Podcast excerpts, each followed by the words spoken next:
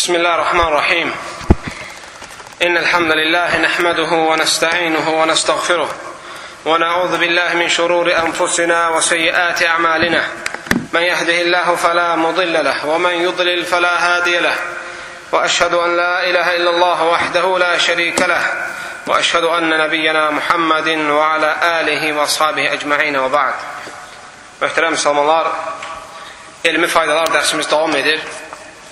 Bugünkü dərsimiz isə salih rüyanın, salih yuxunun ədəbləri haqqında olacaq. Yuxu, əziz qardaşlarım, başqa bir aləmdir. Başqa bir aləmdir insanların yuxu görməsi. İnsanlar yuxuda görmədikləri şey yoxdur. Kimi yaxşı yuxu görür, xoşa gələn yuxu görür, salih yuxu görür, kimi isə pis yuxu görür. Və insanların gördüyü yuxular fərqli olduğu kimi, yuxudan sonra düşdükləri hallar da fərqlidir. Ona görə insanlar yuxu məsələsində üç qrupa bölünür. Birincisi, yuxunu təkzib edən insanlar. Qəti şəkildə yuxuya inanmırlar və xəyal olduğunu deyirlər. İkincisi, yuxuya bir vəhiy kimi inanan insanlar nəyi yuxuda görürsə, onu bir şəriət kimi, bir qanun kimi, bir yüzdə yüz olası bir məsələ kimi qəbul edir. Üçüncü olan haqdır, o da ortadır. Yuxuya inanır və yuxunun da ədəbləri və ərkanı və ədəblər və ərkan üzünə, üzərinə qurulduğu hökmlərə inanır. Biz bugünkü dərsimizdə, əziz qardaşlarım, yaxşı yuxunun, salih yuxunun, xoşa gələn yuxunun ədəbləri haqqında danışacaq. Yəni bir insan yaxşı bir rüya, yaxşı bir yuxu görərsə, o insan hansı ədəblərə tətbiq eləməlidir? Birincisi, əgər bir insan yaxşı yuxu görübsə, xoşa gələn bir yuxu görübsə, yuxu görməyi ilə şad olubsa, belə bir insan birinci ədəb bu ədəbə tətbiq eləməlidir. O da ən birinci bu yuxuyu görməyinə görə həmd eləməlidir. Şükür eləməlidir. Çünki salih yuxu görmək nemətdir Allah taladan. İnsan yatdıqda, əziz qardaşlarım, insanın bədənindəki ruh gedir. İnsan bədənindəki ruh gedir. Bəzi insanlar elə düşünür ki, aldığı bu nəfəs, alıb, aldığı bu oksigen və sonra çıxartdığı bu karbon, odur insanın ruhu. Nəfəs başqadır, ruh başqadır. Təbii ki, ruh çıxanda nəfəs dayanır. Nəfəsin olması ruhun bədənində olmasının əlamətlərindəndir. Ona görə əziz qardaşlarım, insan yatdığı zaman yuxu kiçik ölüm sayılır. Quran-ı Kərimdə buyurur, Allah Teala Quran-ı Kərimdə buyurur və qeyd edir ki, Allah Teala sizi e, necə ki ayətdə gəlir və Allah Teala həmin ayədə yuxunu kiçik ölüm adlandırır. Önəmli olan burasıdır. Quran-ı Kərimdə ayət var, Allah Teala orada yuxunu ölüm adlandırır. Ona elm əhli kiçik ölüm deyir. Yəni ki, insan bir dəfəlik ölmür. Yəni bu dünyanı bir dəfəlik tərk eləmir. Ruh çıxır, yenə təkrar gəlir. Ona görə insan baxırsan yuxusunda aləmi gəzir. Bəzən müsibətlərlə qarşılaşır, bəzən xoşa gələn şeylərlə. Deməli, birinci salih görən insan, salih yuxu görən insan ən birinci ədəblərdən həmd eləməlidir Allah talaya. Şükür eləməlidir ki, ya Rabbi, sənə həmd olsun. İkinci ədəb, yaxşı yuxu görən insan ancaq o yuxunu sevdiyi insanlara danışmalıdır. Əgər bir insan səni sevmirsə, əgər bir insan sənə, sənə qarşı düşmənçilik bəsləyirsə, sənə qarşı bir insan kin, paxıllıq elirsə, o insana sən gördüyün yaxşı yuxuyu danışma. Heç zaman. Ən sevdiyin, ən əziz insanlara danış, get. O sevdiyin yuxuyu. Çünki əgər sən səni sevməyən insanlara o yuxunu danışsan, o gördüyün mübarək yuxuya görə səni həsəd eləyə bilərlər. Sənə paxıllıq eləyə bilərlər. Sənə zərəl toxumağa çalış çalışa bilərlər. Və yaxud da daima sən onlara danışdıqda sevdiyin şeyi səni qəmləndirən sözlər eşidə bilərsən onlardan. Ona görə salih yuxu gördükdə ən sevdiyin insana get danış onu. Üçüncü ədəblərdən yaxşı yuxu görən insan yaxşı təfəül eləməlidir. Təfəül nədir? Allaha qarşı yaxşı zənn eləməlidir. İnşallah o yuxunun yaxşı gördüyü kimi yaxşı olacağına inanmalıdır. Yəni deməlidir ki, inşallah xeyirdirsə, yuxu xeyirlidir, inşallah xeyir olacaq. Dördüncü ədəb, əgər insan bir yaxşı yuxu görərsə, onunla fəxr eləməməlidir. Onunla kibirlənib təkəbbürlənməməlidir. Nə deməkdir bu? Ola bilərəm ki, kimsə desin ki, yaxşı yuxu görüb kibirlənir. Bəli. Ola bilər ki, bir insan yuxu görüb, yuxusunda görür ki, həccə gedir. Və yaxud bir insan yuxusunda görür ki, Kəbəni tavaf eləyir. Və yaxud da yuxusunda bir insan Peyğəmbər s.ə.v-i görür. Və yaxud da Peyğəmbər s.ə.v sahabələrindən birini görür. Belə insan gərək gördüyü o yuxuya görə övünməsin. Özünü üstün tutmasın. Kibirlənməsin. Çünki əvvəldə gəldiyi şərtlə tətbiq eləsə, əgər Allah həmd eləsə, onda ucb eləməyəcək. Yəni kibirlənməyəcək. Buna diqqət yetirmək lazımdır. Sonra əziz qardaşlarım, həmçinin pis yuxunun ədəbləri. Əgər insan pis yuxu görərsə, əgər insan pis yuxu görərsə, insanlar bu məsələdə çox aşırı etiqadlara gediblər. Bəzi insanlar, subhanallah əl-azim, əgər yuxuda görərsə bir pis şeyi, vəssalam, bəlkə də o gün o yuxuya görə işlərini dəyişər. Bəlkə də insan o yuxuya görə böyük müsibətlər, böyük müsibətlərə düşəcəyinə inanar, qorxar. Yəni elə bil ki, bir vəhiy gəlmiş bir hadisə kimi qəbul eləyər. Umumən, qısacası, pis yuxu görən insan. Bu pis yuxunun da mərtəbələri var. Bəzən bu dəhşət olur, yuxudan səksənərək qaydır, oyanırsan. Qorxaraq oyanırsan. Və bəzən oyanırsan, amma yuxunu xatırlayırsan pis yuxu olduğunu və s. kimi.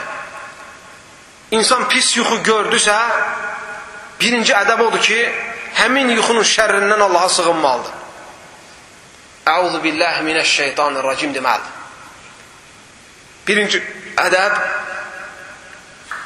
həmin yuxunun şərrindən Allaha sığınmalıdır.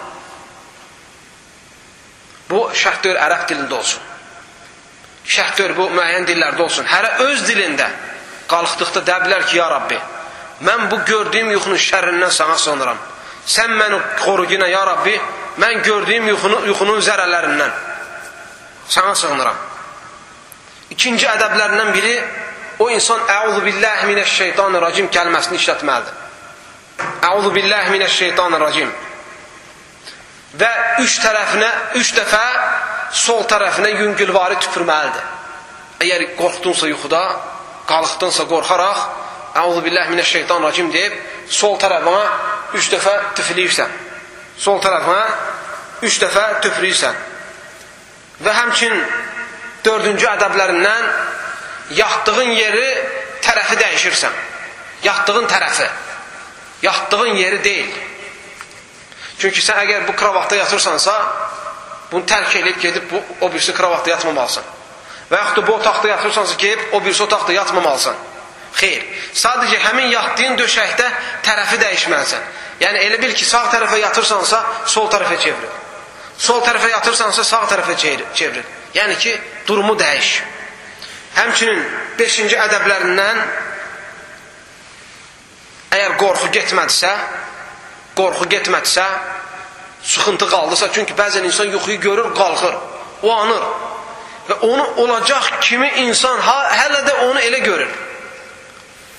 Və əuzu billah minəşşeytanirracim deyir sol tərəfinə tüpürür və yerini də dəyişir. Amma sıxıntı canından çıxmır. Belə olduğu halda yuxuya davam eləmə. Belə olduğu halda yuxuya davam eləmə. Onda o zaman növbəti ədəb gəlir, o da qalxıb dəstəmaz almaq. Qalxıb dəstəmaz alırsan. Onda o zaman nisbətən o yuxunun şərrini azaldır o və yaxud yuxuda keçirdiyin təhlükəni azaldır. Həmçin ədəblərindən əgər gördünsə ki, dəstəməzlə də əmələ gəlmir, onda o zaman get iki rəkət sünnət qıl. Əgər sən iki rəkət sünnəti də qılsan, inşallah Allah Taala sənin qəlbindən o sıxıntıyı çıxardacaq. Həmçinin yuxunun ədəblərindən, pis yuxunun ədəblərindən pis yuxuyu görən insan etiqad etməlidir ki, o gördüyü pis yuxu ona zərər verə bilməyəcək. Bəzən insanlar, əziz qardaşlarım, məşhurlaşır yuxu yozmaqla Yuxu yozmaq var. Bəzi insanlara Allah Taala ilham eləyir. Bəzi yuxunun məz mə məzmunlarını bilirlər. Bəzi yuxuları yoza bilirlər. Necə ki sünnədə gəlmişdir Peyğəmbər səlləm Səhih Buxaridə, Müslimdə bəzi sahabələrin yuxularını yozubdu. Və Əbu Bakrın yuxusunu, Ömər radiyallahu yuxusunu və eləcə də Yusuf əleyhissalam yuxu yozmaqla məşhur idi. Və eləcə də sahabələrdən gəlib, tabeinlərdən gəlib ki, yuxunu yozublar. Amma bu bir vəzifə halına çevrilməməlidir ki, hər yuxunun gedib mənasını o adamın yanında axtarasan. Xeyr, bəzən sünnədə gəlib, məsələ, südün mənası, bir insan süd görərsə, və yaxud bir insan qələm görərsə, bir insan filan şey görərsə, amma bugünkü gündə bu artıq falçılıq halına çevrilib. Və kitablar yazılıb. Və mən bu münasibətlə tövsiyə eləmək istəyirəm ki, müsəlmanlara, yuxu haqqında yazılan kitablara etimad eləməsinlər. O kitabları səhifələməsinlər. Çünki o kitaba bir yapışdınsa, ondan da canını qutara bilmirsən. Daima vəsvəsə içində olursan. Elə başına bir iş gəldi mi, o gördüyün yuxunun baş hərfi ilə gedib fal axtaran kimi o yuxunun məzmununu axtarırlar. Və bu birinci insan bunu adətən elə belə baxıram deyib girişərsə, sonradan bu etiqada keçirilir. Və orada mənasını oxusan, vəssalam. Allah eləməsin. Birdən görərsən ki, bu yuxu belə bir pis çıxdı, qutardı sən onun canından çıxarda bilməzsən. Ona görə birinci həmçin ədəblərdən də etiqad edəsən ki, bu yuxu sənə zərər verə bilməz. Sənə zərər, sənə zərər verməyəcək inşallah. Həmçin əziz qardaşlarım, yuxunun ədəblərindən, pis yuxunun ədəblərindən əgər pis yuxu gördünsə, onu heç kəsə danışma. Hədis var. Peyğəmbər s.ə.v deyir ki, bir kişi gördüyü pis yuxunu başqasına danışmasa, o yuxu onun başına gəlməz o yuxu onun başına gəlməz. Deməli, ona görə, əgər yuxunun, pis yuxunun şərrindən qorunmaq istəyirsənsə, onda o zaman o pis yuxunu heç kəsə danışma. Səni qorxudan, narahat edən o yuxunu heç kəsə danışma və bu ədəblərə qısacası riayət elə. Birincisi, yuxunun şərrindən Allaha sığın. İkincisi, əuzu billahi minəşşeytanirracimdir. Üçüncüsü, sol tərəfə üç dəfə tüpür. Sonra neçəncisi oldu bu? Dördüncüsü, yatdığın tərəfdən tərəfi, tərəfi dəyiş. Beşincisi, dastamaz al. Altıncısı, iki rəkət sünnət qıl. Yeddincisi, yeddinci mi oldu? Yeddincisi, etiqad et ki, inşallah Allahın izni ilə o sənə zərər verməyəcək. Səkkizincisi isə onu heç kəsə danışma. Nə sevdiyinə, nə sevmədiyinə. Əgər belə etsən, inşallah o yuxu sənə zərər verməz və sən də inşallah huzur içində yaşarsan. Allah Taala'dan diləyirəm ki, bizi pis yuxunun şərrindən qorusun və bizi salih insanlardan etsin. Allah Taala'dan diləyirəm ki, bilmədiklərimizi öyrətsin, bildiklərimizi əməl etməyi nəsib eləsin. Və sallallahu və səlləm və barik alə nəbinə Muhammed və alə alihi və sahbihi ecmain.